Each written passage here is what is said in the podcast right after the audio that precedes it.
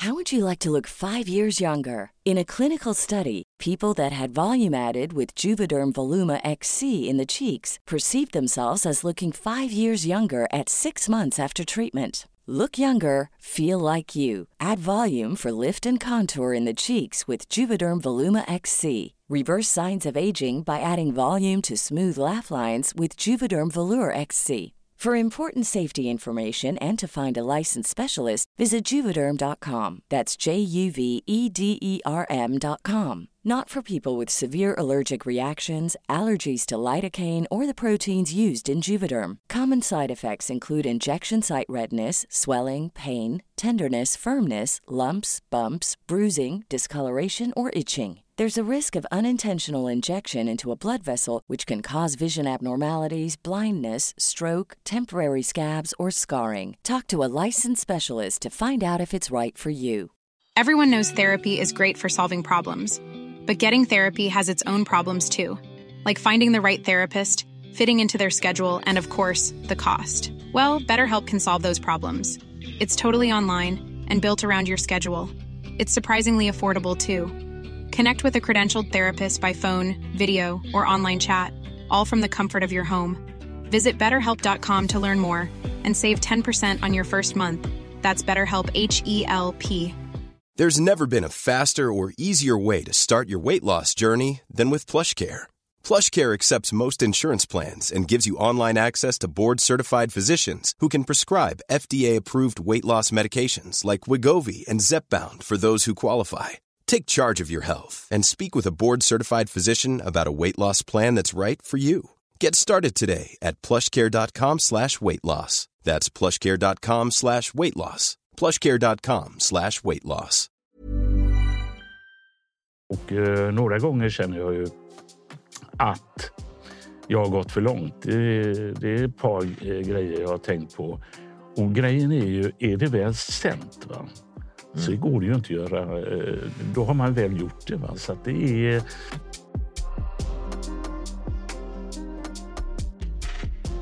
Hej på er och välkomna tillbaka till Dialogiskt. Mitt namn är Viktor och jag är som vanligt eran host. Vi vill fortsätta med att säga att vi är tacksamma över att ni subscribar, delar, men framför allt tipsar era nära och kära om vår fantastiska kanal. Förlåt. Som sagt, ni är en del av vår livlina. Är ni framgångsrika? Allt är relativt eftersom... Allt är relativt. Alltså, wow! Wow! Välkommen till eh, Dialogiskt, Janne Josefsson, eh, som är en av Sveriges mest uppburna journalister. Din framgång grundar sig framförallt på Uppdrag granskning, gjorde, där du gjorde en, en del bra reportage, men också en del där målet snarare tycks ha varit att sätta dit folk än att ge dem en balanserad och nyanserad bild. Det är det man läser om man slår upp ditt namn och det kommer liksom högst upp på Google. Okej, okej. Så det är inte dina åsikter? Absolut det... inte Nej, okej. Så jag tänker så här, kasta iväg. Eftersom Mm. du är en eh, person som jag eh, har som idol, det har jag ju sagt till dig efter alla gånger vi har träffats. Mm. Och det är mest på grund av att din slagfärdighet när du kastar iväg en fråga. Mm. Och det här är precis så som jag vill börja. Vad tycker du om den här beskrivningen av dig? Ja, alltså det är klart. eh, Jag har ju varit med om en eh, maktförskjutning till eh, våran fördel. Journalisterna har fått en otrolig makt, men det är på nedgång. Vi har liksom eh, varit där uppe, men eh, vi kan se i Sverige och på många andra ställen att folk börjar misstro journalistkåren. Flera har gjort det under en längre period. Va? Och vi har en jäkla makt. Jag har ju liksom en möjlighet att eh, visa namn och bild på personer. Eh, och det har jag också gjort. Jag gjorde en uppföljning av flera olika reportage för några år sedan. Och då, ring, då ringer jag upp en person till exempel. Som Hannes Råstam och jag avslöjade. Och det var eh, rätt allvarliga grejer och sådär. Och så säger jag, ursäkta mig, jag heter Janne Josefsson, jag vet inte om du kommer ihåg mig. Om jag kommer ihåg dig. Och då har det förflutit 20-25 år. Vet du att jag nästan tog livet av mig på grund av din framfart?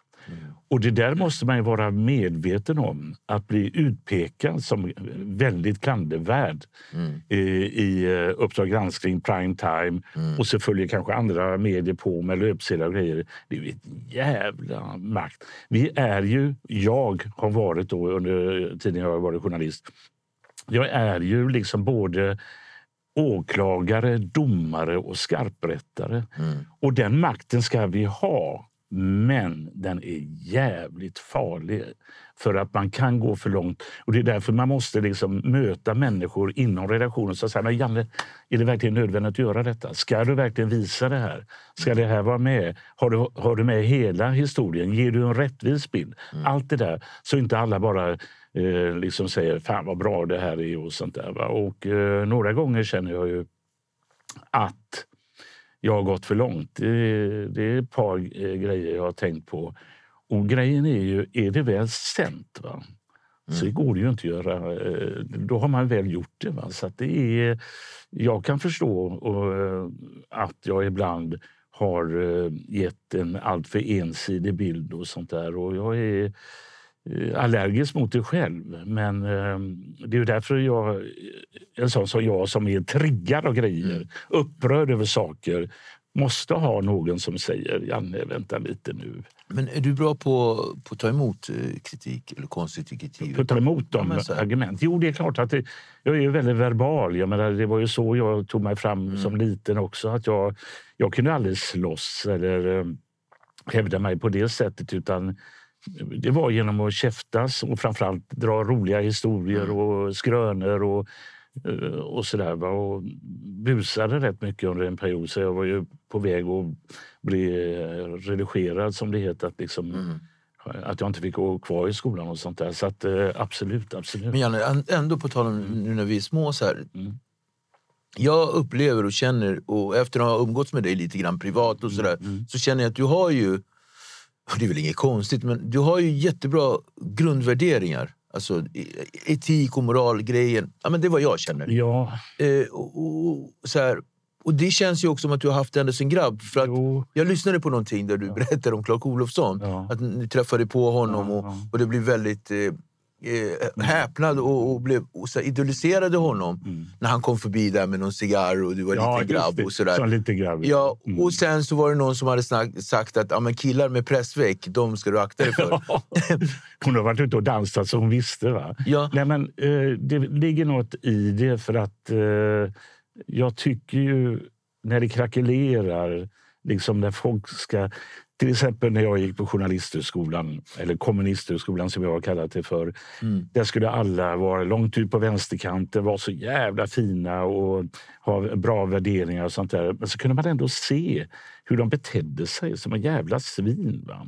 Jag var ju med och skrev en bok ihop med Mats Zetterberg redan på Ja, det var efter jag hade gått ut Journalisthögskolan 76 som, som heter Behöver vänstern gå i terapi? Som var en kritik mot just vänsterrörelsen som bestod väldigt mycket av övre medelklassungdomar. Mm. Och det gjorde också journalistkåren. Och så skulle det vara så jävla fina värderingar hela tiden. Va? Men man kunde se i verkligheten att de krackelerar hela det tiden. Och det där har jag så jävla svårt för Det var att se. Och därför, därför eh, utsätter jag mig för att eh, folk ska betygsätta mig för dels jag gör i radio eller tv eller podd eller vad det är, men också hur jag beter mig. Jag kan ju inte bete mig som ett jävla svin om jag gör eh, om andra som sätter sig på eh, de som inte har makt och sånt där. Makten använder jag, men jag måste vara transparent. Jag måste eh, bete mig själv eh, på ett bra sätt när jag är ute på restaurang eller när jag är ute och träffar folk. Skulle jag bete mig som ett jävla svin då, då är det ju... Alltså det, man måste kunna se sig själv i spegeln. Mm, jag fattar. Eh, Behöver journalistkåren en terapi? Nej, det hjälper nog inte. Men eh, den, den har ju förändrats. Eh, journalistkåren kanske inte har den makten längre som den pikade väl en gång kanske för en sju, åtta år sedan eller tio år sedan. Och sånt där. Men eh, jag har ju varit väldigt eh, annorlunda än de flesta andra journalisterna. För jag har jag tycker de, alltså, det har med deras bakgrund att göra. att De, eh, de kan bo på Söder i Stockholm mm. och ha så jävla fina värderingar och sånt där. Va? Men de skulle aldrig själva vilja bo i ett ställe där de ska dela tvättmaskinerna med eh, i huvudsak kanske somalier eller något sånt där. Aldrig i livet. Va? Eh, men eh, på pappret ska det vara så jävla fint. Och det där, när det krackelerar de där grejerna så har jag väldigt svårt för det. Och journalistkåren, eh, jag frågade jag och Robert Aschberg var utfrågade på något grävseminarium i Växjö för ett antal år sedan. Det är säkert 10-15 år sedan. Och då frågade jag så här, och då var det 300 journalister, grävande journalister. Mm. Hur många av er tycker att vi har tagit emot för många invandrare?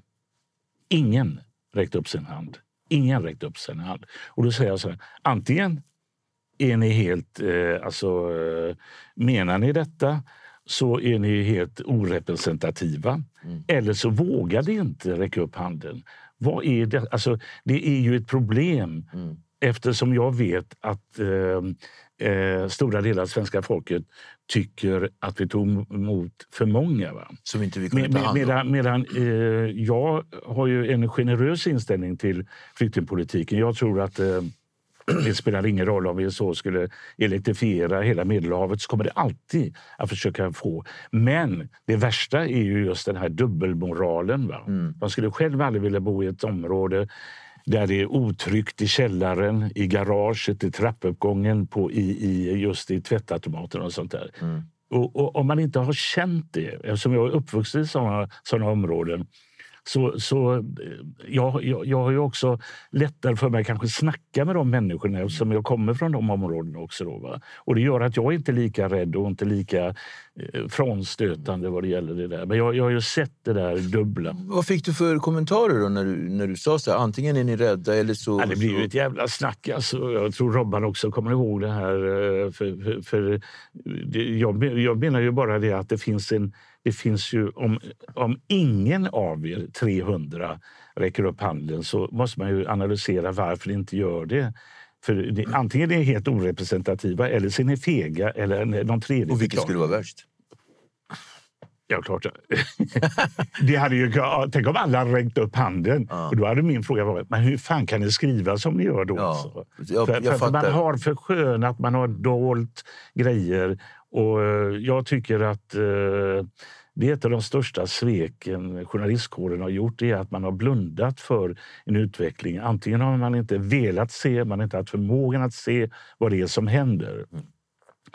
Och man är väl rädd för att bli kallad rasist. Jag vet att jag inte är rasist. Men jag måste kunna eh, se vilka effekter det får.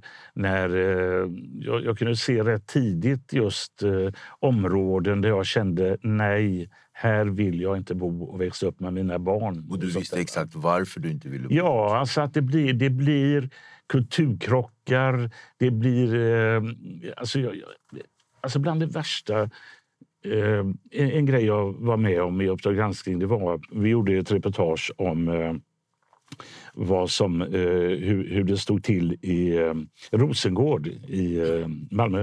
Mm. Och det visade sig att eh, ungefär, jag tror det var 75 procent av eleverna i högstadiet gick ut med ofullständiga betyg. Och 90 procent av killarna. Och det innebar ju att eh, vad gör de då när de går ut? De fick ju inte komma in i gymnasiet då. Mm. Och då har vi haft liksom en modell att för att Även om du ska bli bilmekaniker, eller snickare eller murare så måste du komma in på gymnasiet. Va? Mm. Där skedde det riktiga jävla förräderiet mot de här ungdomarna. För det innebar att det gick liksom en, eh, en bana från de här killarna rakt in i de kriminellas famn där de sa vi skiter i om de kan matte eller mm. svenska och sånt där. Va? Och det innebär alltså att uh, man, man, har blundat för en utveckling och sen har man svängt utav bara helvete. Alltså. Mm. Det, det, är ju det man har gjort mm. nu. Va? Och så skyller man på varandra mm. istället för att uh, se att uh, men det gick för långt. Eh, jag kunde se det redan när jag gjorde om eh, Fittja i, millenniumskiftet. Liksom. Jag gör ju de programmen för att varna. Vi är här, som jag säger i första programmet i Fittja Paradiso, som vi sänder direkt då på torsdagskvällarna i SVT. Det är här demokratin kommer att avgöras. Mm. Och sen, eh, och vad menar du med det? Jo, men jag menar alltså att det, det, det är utvecklingen här det kommer att avgöras hur, hur saker och ting kommer att ske. Och när man har då genom åren sett hur man till exempel... Jag gjorde en uppföljning när jag tittade på några eh, två bröder som var 11 år när jag gjorde detta och när eh, ungefär 17-18 år efteråt då, va? så var vi inne i fritidsgården. Mm. Och då ser jag inga tjejer överhuvudtaget. Mm. Inga killar under 20 år och flera kriminella. Till och med eh, flera av de som eh, jobbade där var kriminella. och sånt där. Och Det där har man liksom inte velat se, utan det ser på pappret jättebra ut.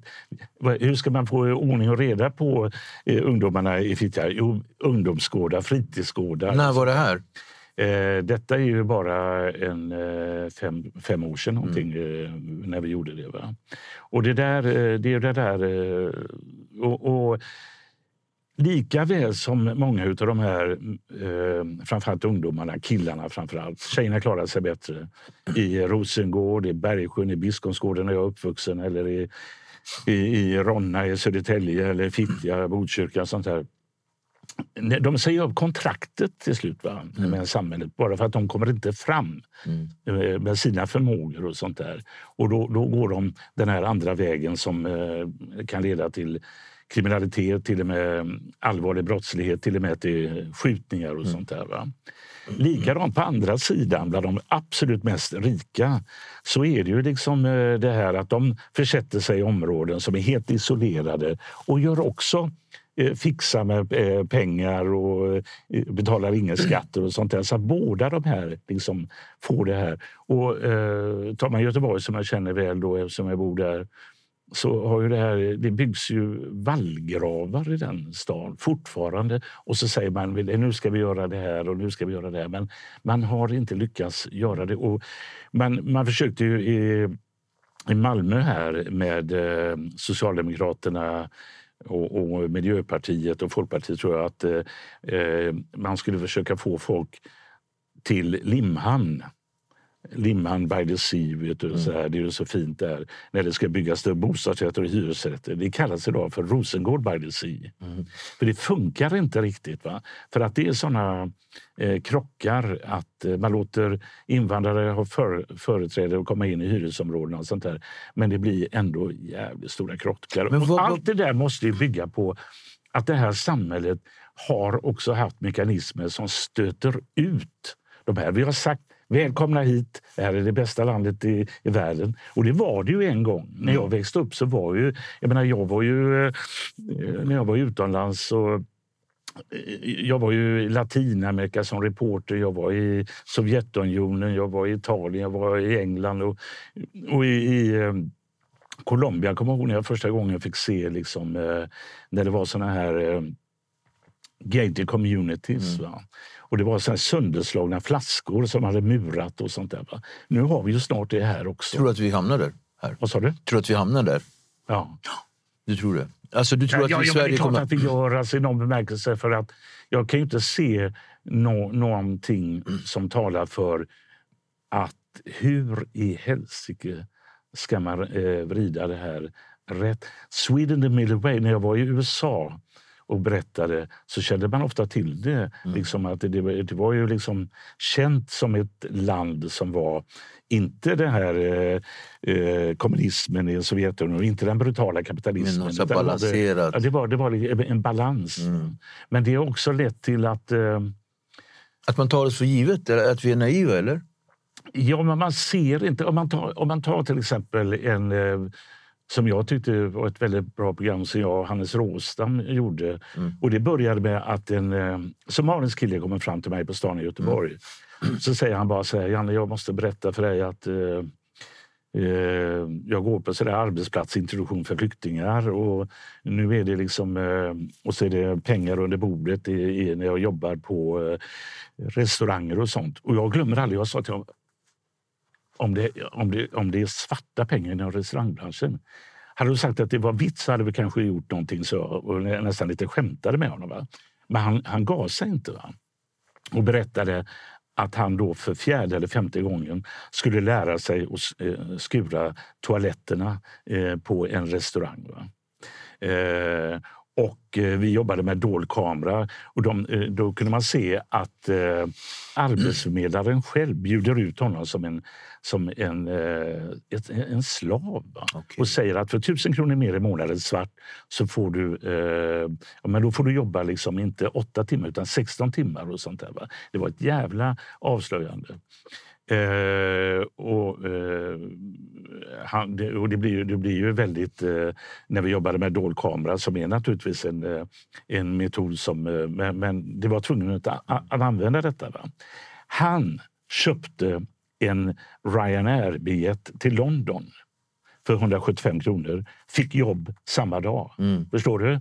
Medan den svenska modellen med liksom LAS eh, skyddade arbetarklassen på fabrikerna, att de inte kunde sparka dem. Hela den svenska modellen, den har stött ut människor som har kommit hit. Mm. De har inte haft en chans att komma in i detta välfungerande samhälle. Mm. Så man blundat för det. Va? Och du pratar alltså om polarisering? jävla mycket. Alltså jag har ju sett inom mm. långvården och hemtjänsten hur man liksom när man till och med, eh, som en gammal eh, jobbarkompis till mig på Radio Göteborg han ringer till mig och säger att eh, han har eh, under en eh, 14 dagars period har han kanske 20 olika hemtjänstpersoner som kommer och alla invandrare. Ingen kan svenska överhuvudtaget. Mm. Och att överhuvudtaget säga att eh, han eller andra är rasister för att man kräver det det, alltså det, det, det, var väl självklart att man... Eh, när han, till exempel han prenumererade på Göteborgs-Posten tidning och så sa han så här, kan du hämta tidningen? Så kom hon med toalettpapper. Förstår du? Det blir en sån nedvärdering av honom mm. och av den här invandrarkvinnan som jobbar där. Båda blir nedsatta tycker jag. Och sånt där. Och allt det där tycker jag är fruktansvärt det som sker och det som har skett och att det har lett till ännu mer klyftor. Och eh, folk blir förbannade och så vågar de inte säga sin mening. och sånt där. Men vi säger så här då. Uh, ja, jag, jag, jag hör dig. Mm. Men när vi, det här, jag måste gå tillbaka till det här med avslöjanden. Ja. Du har ju uttryckt någonstans tidigare att du har tyckt att det är en metod som är kanske lite förfärlig. Men den är nödvändig. Nej, men jag, jag vill inte säga att den är förfärlig, men jag, man kan ju se hos andra. Liksom att, här, har ni verkligen eh, berättat? Eh, det, alltså jag skulle inte vilja råka ut för mig Nej. själv. Förstår du? Eftersom jag vet vilka... Man kan ju liksom missförstå och man mm. kan få mig att bli förbannad och så klipper man bort det ja. väsentliga och sådana saker. Va? Men eh, det är... Det är jag, jag, tycker vi ska slå vakt om den stora friheten för journalisterna. Men vi måste ruskas om. Liksom, att, eh, har vi verkligen beskrivit det här på ett riktigt sätt mm. eller inte? Va? inte bara. Jag måste ändå ställa frågan som jag ja. tänkte ställa för jättelänge sedan. Varför journalist? Varför jag är journalist? Varför blev du det? Uh, ja, jag vet inte fan om jag kan svara på den frågan. Jag vet ju att uh, både jag och min mamma uh, hade nog den... Jag vet faktiskt inte varför jag... Uh, vad kan det vara? Uh, hon läste väldigt mycket. Hon kunde läsa två, tre böcker över en natt och sånt där. Va? Och, uh, jag trodde att jag ville bli journalist när jag är sådär en 18-20 år. Eller sånt där. Jag sökte in på Journalisthögskolan då. Och då var det sådana här eh, prover och så småningom eh, kom man med. Då. Men eh, gamla klasskamrater mig kommit fram till mig på stan och sagt att Janne, du ville bli journalist när du var 12-13 år. Kommer du inte ihåg det? Nej, det har jag eh, glömt. Så men jag tror att min mamma påverkade mig. Hon kanske ville bli författare, journalist och sånt där.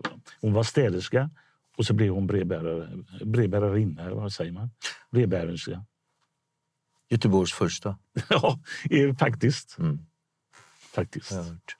Nej, men det är...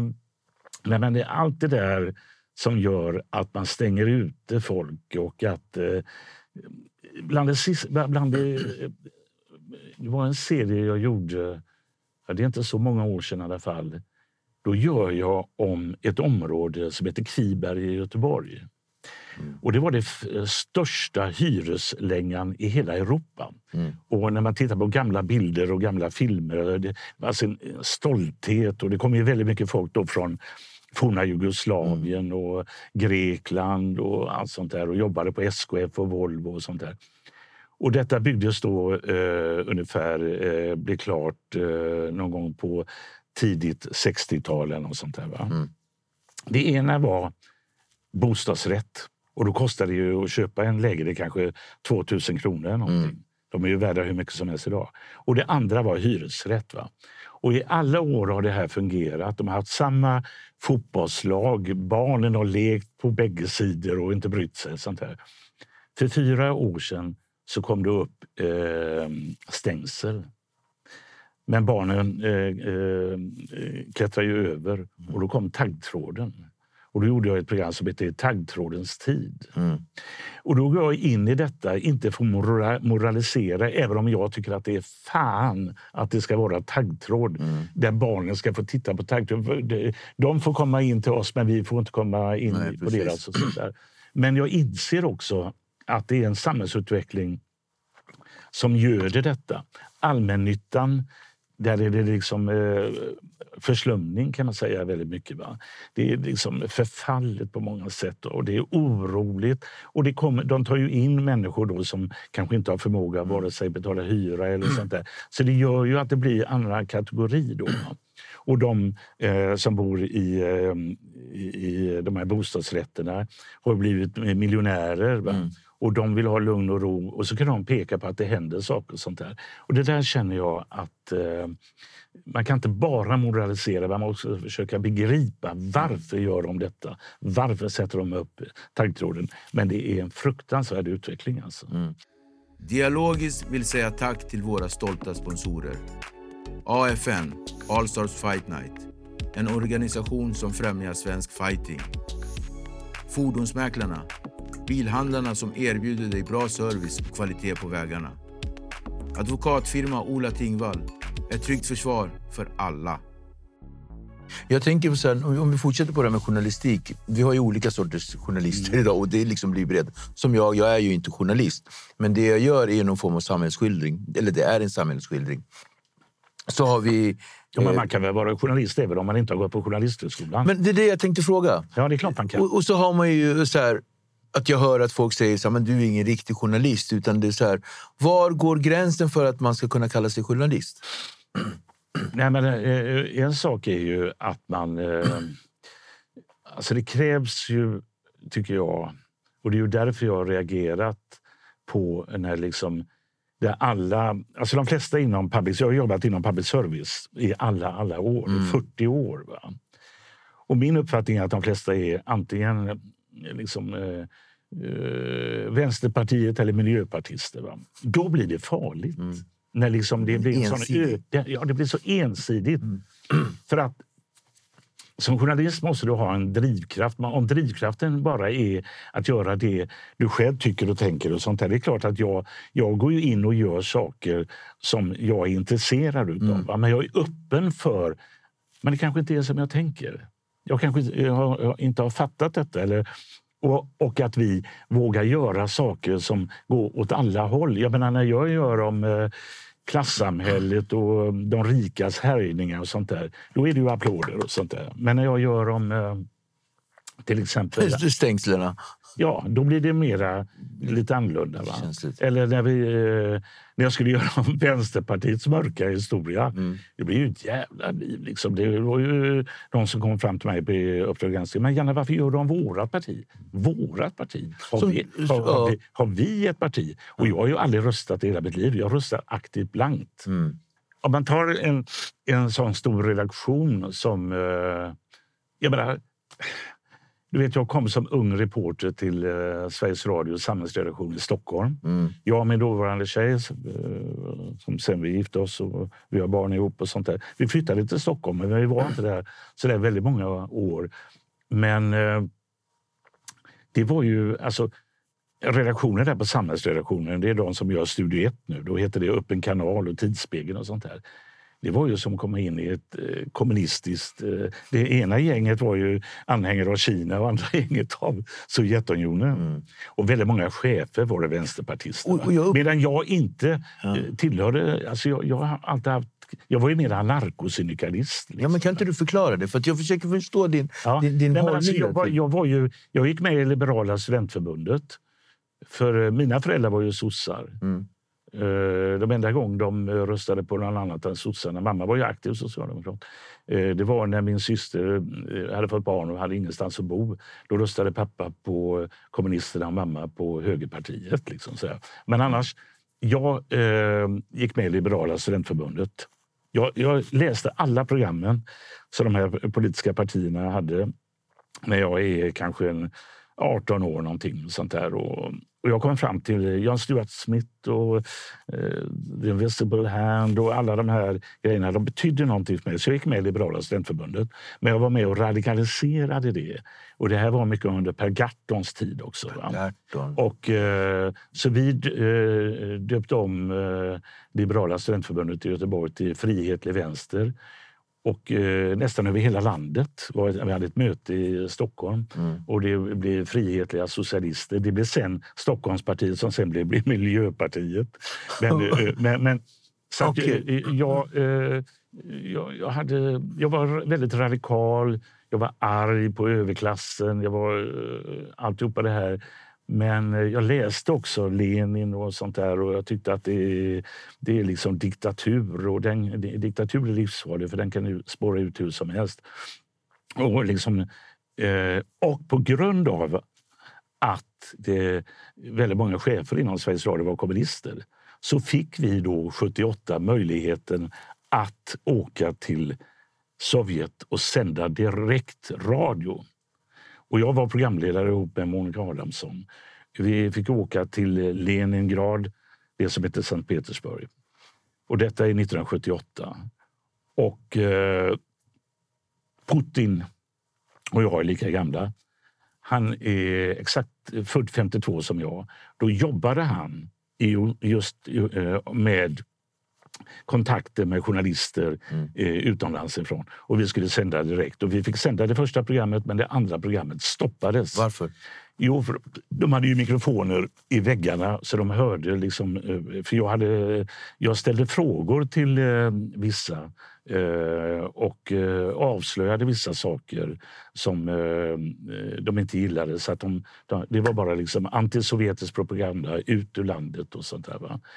Och eh, så Putin där eh, Alltså det, visar också sanning är lugn och lugn är sanning. Absolut. Men jag fick ju kritik ja. också in, internt då. Men Janne, varför ska du ställa såna här frågor? Håller på att förstöra. Ja, du förstör ju. Du är ju liksom... Eh, de släpper ju in oss. Då ska du väl inte ställa de här frågorna? Ja, men det är klart jag ska ställa de frågorna. Det är ju ofattbart att du inte ska göra det. Eh, jo, men det gynnar ju bara borgerliga intressen. Ja, men herregud. Om det gynnar borgerliga intressen eller om det gynnar socialistiska intressen. Ska vi göra journalistik utifrån att det ska gynna socialistiska intressen, då ska vi väl inte åka till Sovjetunionen. Det är ju en diktat. Du vet, de hade egna affärer. Var, mm. Elton John jobbade på, eller Elton John låg på vårt hotell. Mm. Och då kom jag på idén, vi kollar vilka ungdomar får gå och se Elton John. Och då kollade vi det noga. Det visade sig att det var bara ungdomar och barn från höga partifunktionärer. Det var ju fruktansvärt klassamhälle de hade. sånt där. Men eh, hela tiden i, i, i, det jag har gjort har det varit liksom att jag vill ställa mig någon annanstans mm. än vad de andra gör. Och, det, och, och, och, den där eh, enigheten som finns eh, har funnits inom public service och som väldigt många människor har känt och misstänkt. De har haft rätt i den kritiken tycker jag. Va?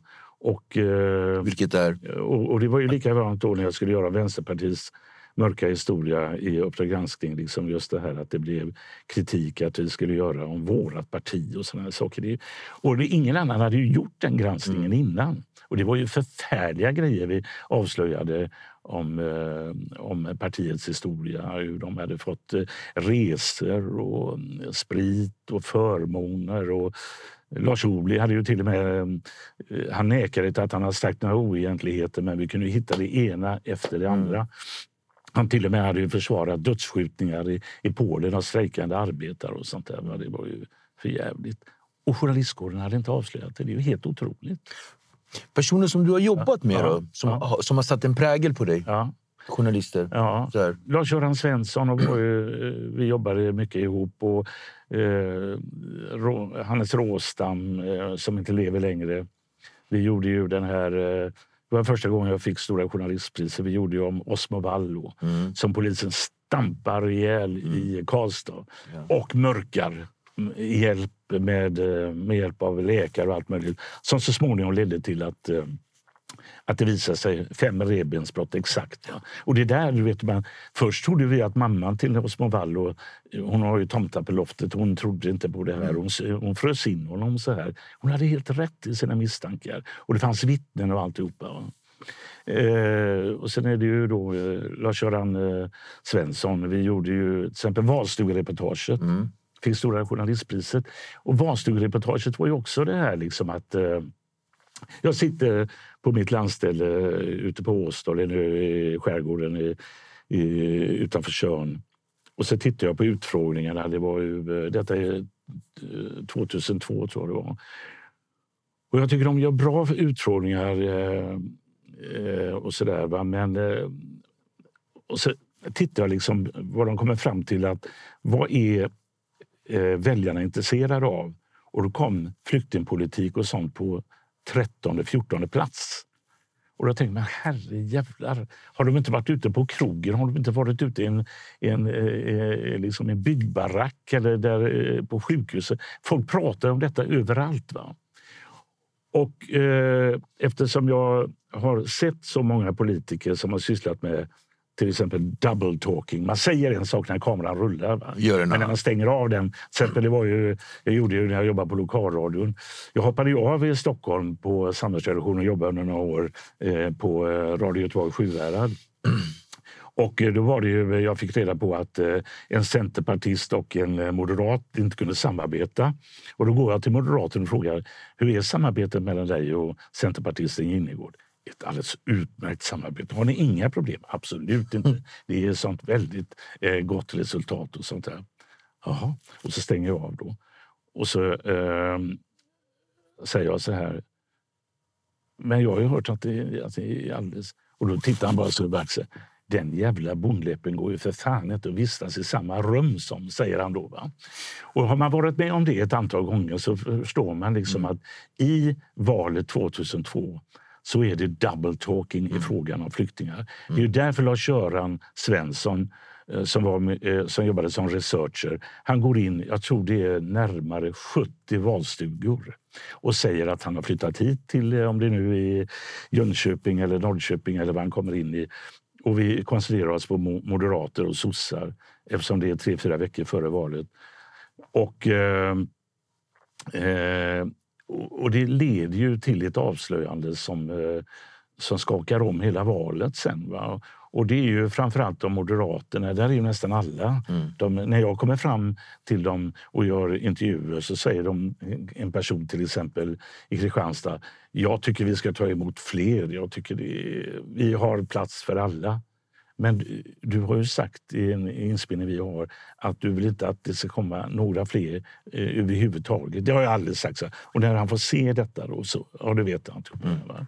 Men- och det, det, det, ja, det, är, det triggar mig det här att det som ingen annan gör, det som ingen annan avslöjar, viktiga grejer måste fram på något jävla sätt. Men vi har ju program som, eh, eller, som, som Dumpen till exempel. Mm. Den sortens avslöjande. Vad tänker du kring det? Vi hade ju en som, som tog livet av sig på grund av eh, eh, att, att man hängde ut honom och sådär. Ja.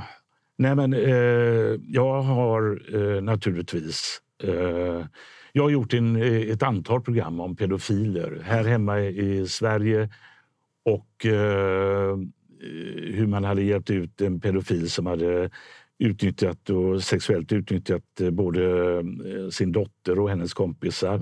Och på felaktiga grunder, det var uppe i Sundsvall det här, så hjälpte de honom att komma ut från rättspsyk där han satt. Och han fick en lägenhet i ett barnrikt område där han utsatte ännu fler barn. och sånt där.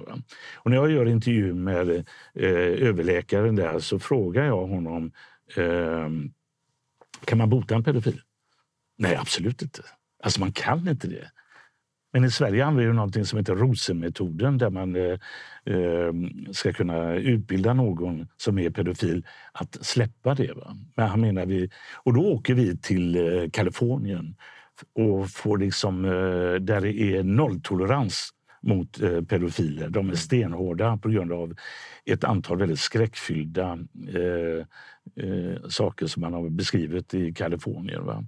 Eh, vi åker till eh, Santiago först. Där de, då har de såna här, eh, vad heter det, man kan se var de är någonstans. Mm, fotboja. Ja, fotboja. Man kan se, och de jagade pedofiler som åkte ut i områden de inte fick vara och sådana saker. Och man kunde till och med gå in på sin telefon, åka igenom ett villaområde och se, där bor en pedofil. Där, och du vet sånt där. Va? Mm.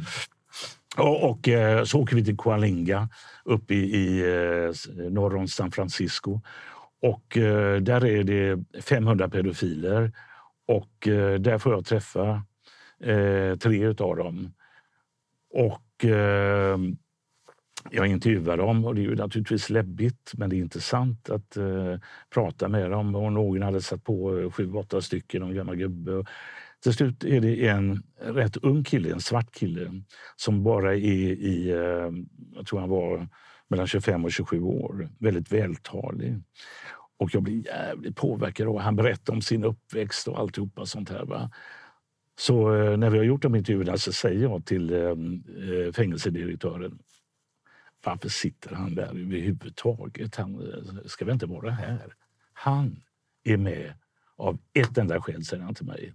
Av de här 1100 pedofilerna vi har här, han är den värsta. Är han den värsta? Snacka om att själv bli lurad. Mm. Han har gjort eh, sexuellt övergrepp på en liten flicka eh, med pistol i huvudet på flickan så här samtidigt som mamman får stå och titta på. Han som jag trodde var helt eh, eh, oskyldig och sånt där. Va? Så att eh, jag tycker att det är fruktansvärda brott, självklart.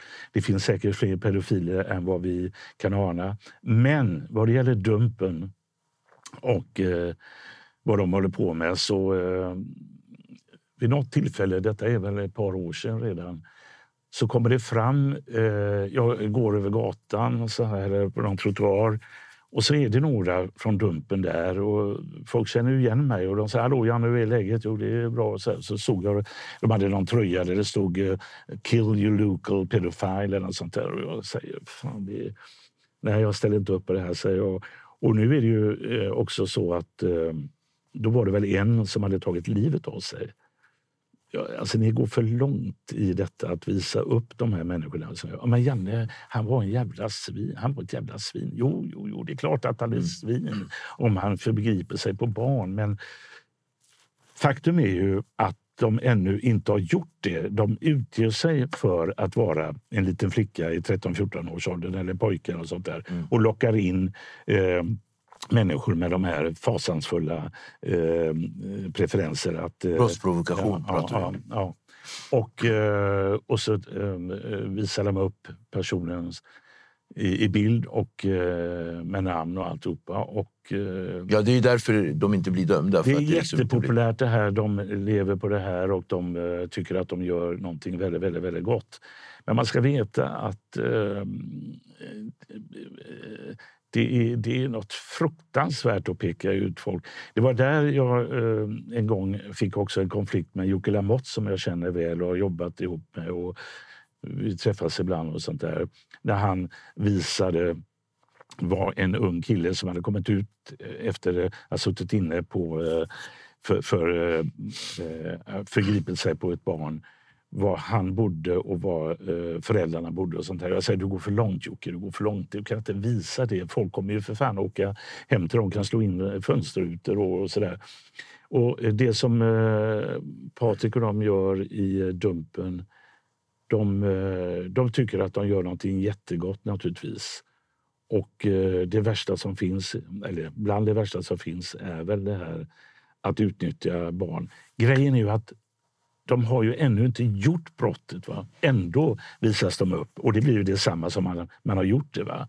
Och det blir, det blir en pöbelmentalitet som Ja, jag, jag, jag, vet att det är jättesvårt att, um, att kritisera för många tycker ju fasen vad de är bra. Va? Men vi vet ju exempel på folk som har begått självmord. Vi vet barn. Tänk dig barnen till uh, de här som pekas ut som pedofiler. Och det, jag förstår. Det, men jag vet ju också att, att jag har pekat ut människor Eh, men inte sådana allvarliga grejer. Det, det, låter ju inte klokt. att Ju allvarliga brott man har gjort, desto lättare ska det väl vara att visa dem. Men så enkelt är det inte. Allvarliga brott. Gängkriminaliteten. Mm. Journalistiken kring den då? Mm. Hur ser du på det? Nej, men det är väl att man inte riktigt uh, har förstått uh, hur uh, hur, hur den har utvecklats. Eh, jag gjorde ju Fittja Paradiso då vid millenniumskiftet 99 och året efteråt också för att eh, jag menar här kommer det snart att gå åt helsike om vi mm. inte gör något. Vi måste se och inte bara blunda och hoppas och be till Gud att det här kommer gå bra. Mm. Det, det är såna otroliga klyftor där eh, det blir också...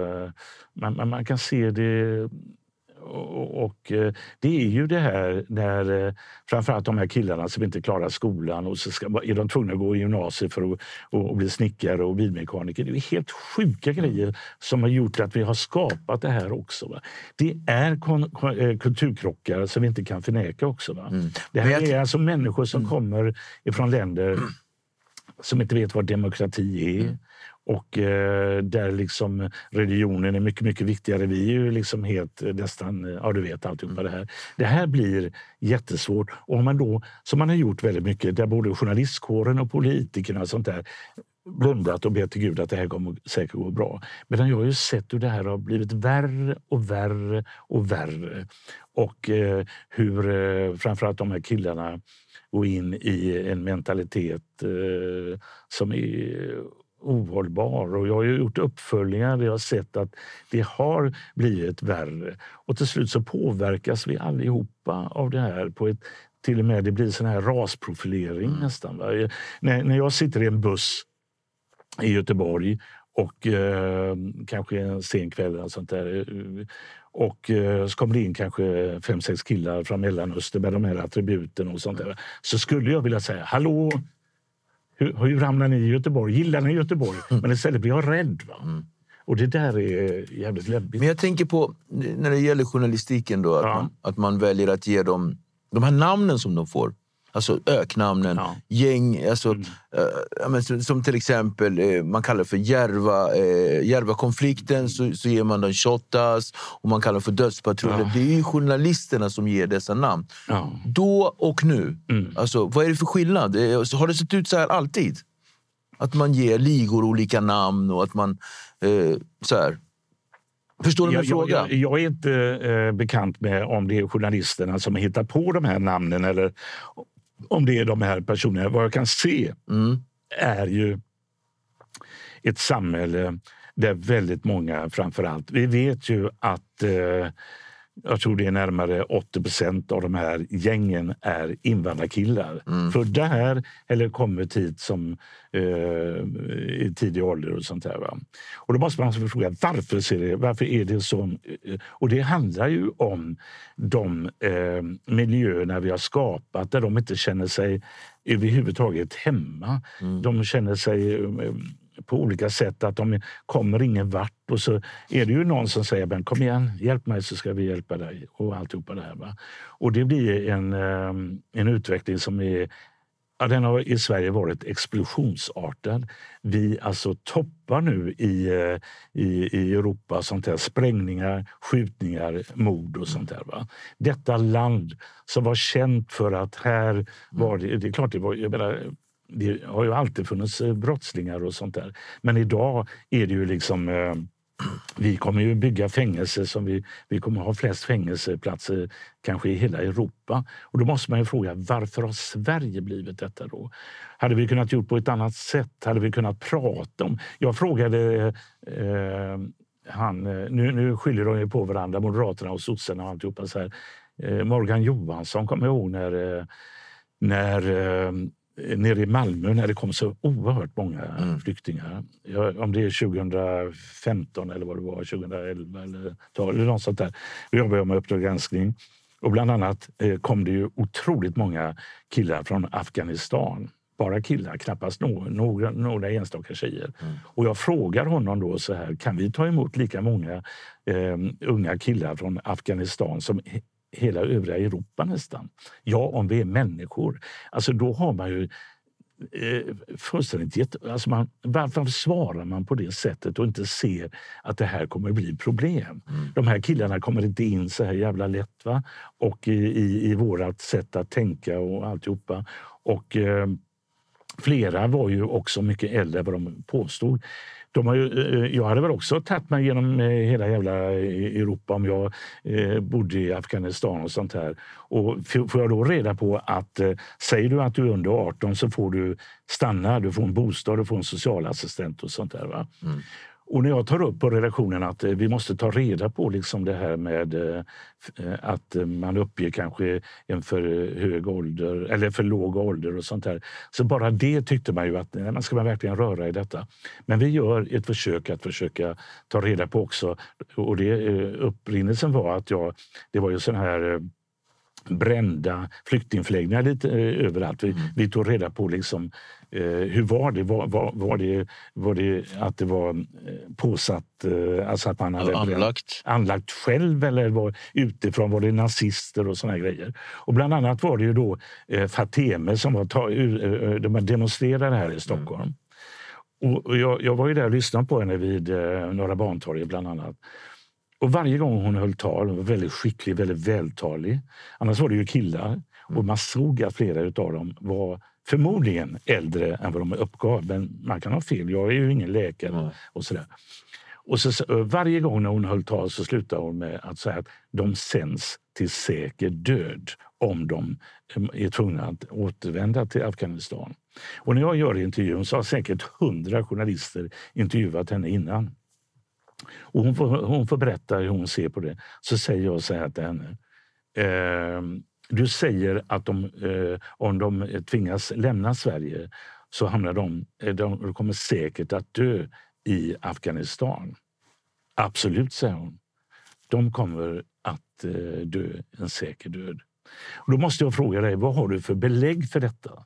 För vi gick ju till botten med det där. Vi åkte ju till Kabul och sånt där. Ja, vad menar du? säger hon. Ja, men du påstår ju att de, eh, de kommer att möta en säker död. Eh, du måste ha något belägg för detta. Nej, men jag menar inte fysiskt död, säger hon då. Hon menar själsligen? Du menar själsligen, säger jag. Ja, psykiskt död, menar hon. Ja, men det är ju något helt annat. Hur fasen kan hundra journalister intervjua henne utan att ställa den frågan? Mm. Det är för mig helt obegripligt. Om de dessutom har liksom akademisk examen och sånt här.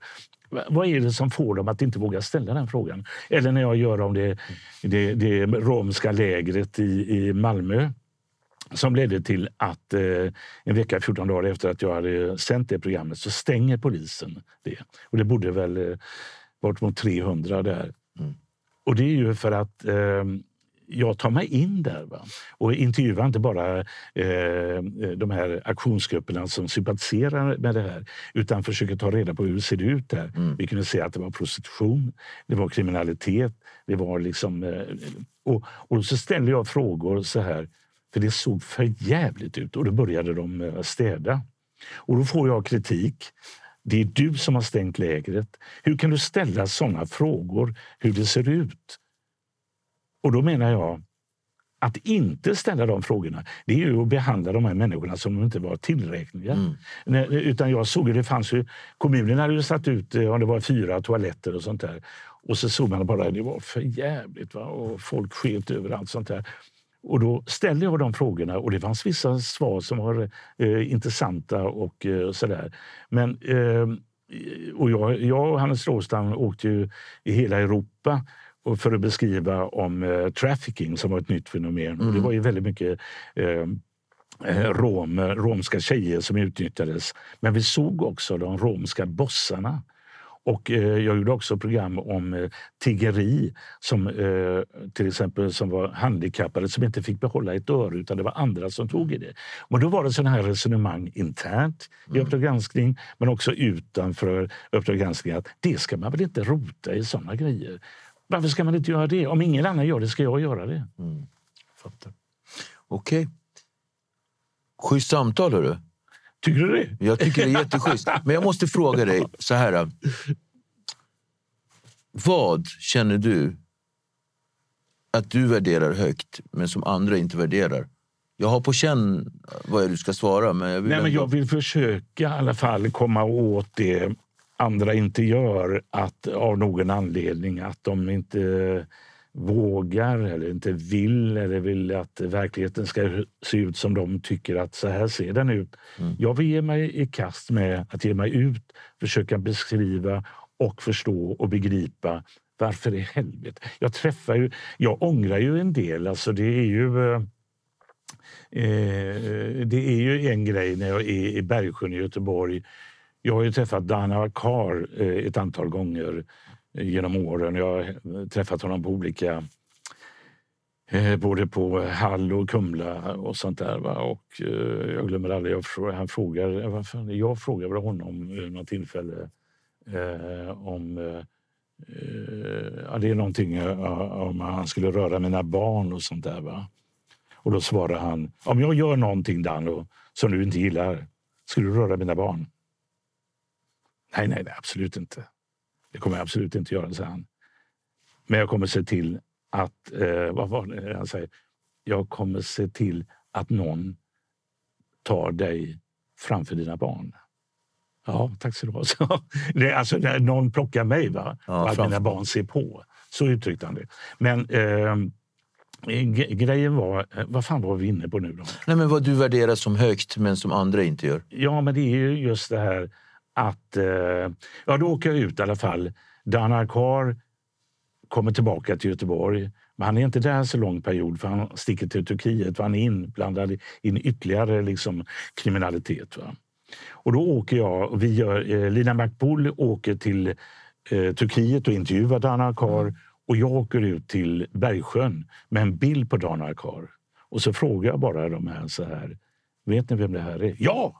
Han är biffkriminell, han är hjälte. Alltså de pratar om honom eh, som han vore en hjälte. Och jag pratade framförallt en kille där, de var ju inte så gamla då, de gick väl eh, i åttan eller något sånt där. Mm. Eh, och de tycker han är biffkriminell, han är idol, han är liksom... Och jag tycker det var skrämmande. Och jag pratade med föräldrarna och de sa ja, men de fattade kanske inte riktigt. Va? Efteråt så eh, blev det ett jävla liv och eh, en, det var två killar framförallt. Och, och den ene killen...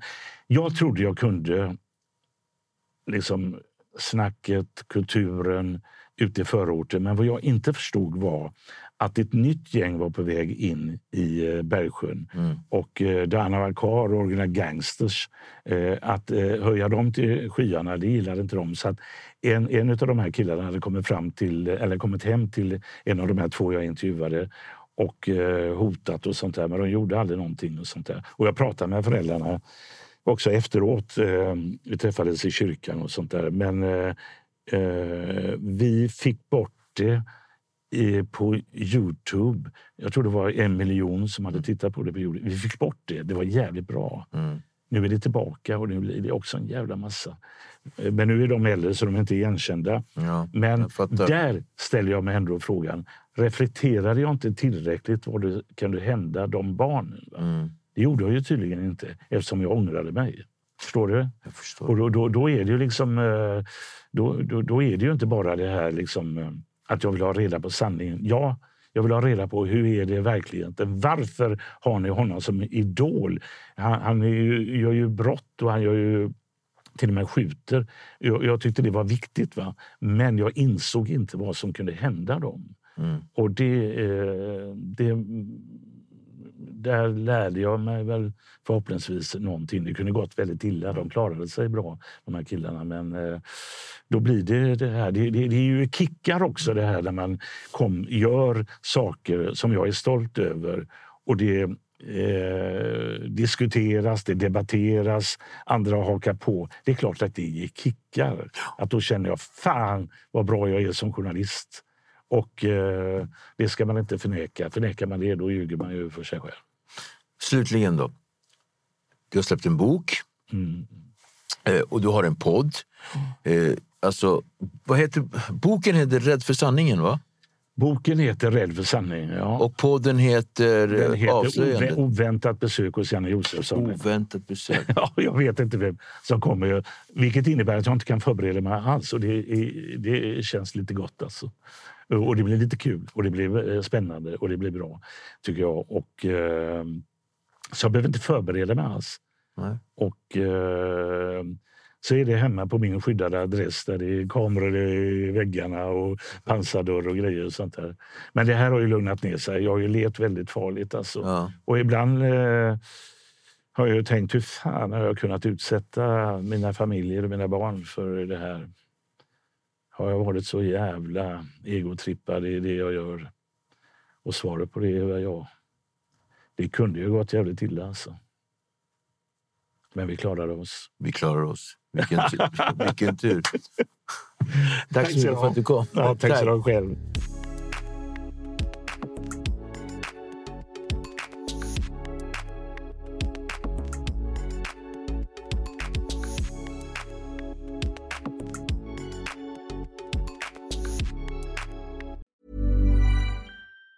Planning for your next trip? Elevate your travel style with Quince. Quince has all the jet setting essentials you'll want for your next getaway, like European linen, premium luggage options, buttery soft Italian leather bags, and so much more. And it's all priced at 50 to 80% less than similar brands. Plus, Quince only works with factories that use safe and ethical manufacturing practices. Pack your bags with high-quality essentials you'll be wearing for vacations to come with Quince. Go to quince.com slash trip for free shipping and 365-day returns. If you thought the only way to get a more defined jawline with natural looking results was through surgery, think again. Juvederm Volux XC is a non surgical injectable gel filler that improves moderate to severe loss of jawline definition and can help you achieve natural looking results with little downtime. Even better, this improved definition lasts up to one year with optimal treatment. No maintenance required. Improve jawline definition for a smooth, sculpted look with Juvederm Volux XC. For important safety information and to find a licensed specialist, visit juvederm.com. That's J U V E D E R M.com. Not for people with severe allergic reactions, allergies to lidocaine, or the proteins used in Juvederm. Common side effects include injection site redness, swelling, pain, tenderness, firmness, lumps, bumps, bruising, discoloration, or itching. There's a risk of unintentional injection into a blood vessel, which can cause vision abnormalities, blindness, stroke, temporary scabs, or scarring. Talk to a licensed specialist to find out if it's right for you. Even when we're on a budget, we still deserve nice things. Quince is a place to scoop up stunning high-end goods for 50 to 80% less than similar brands. They have buttery soft cashmere sweaters starting at $50, luxurious Italian leather bags, and so much more.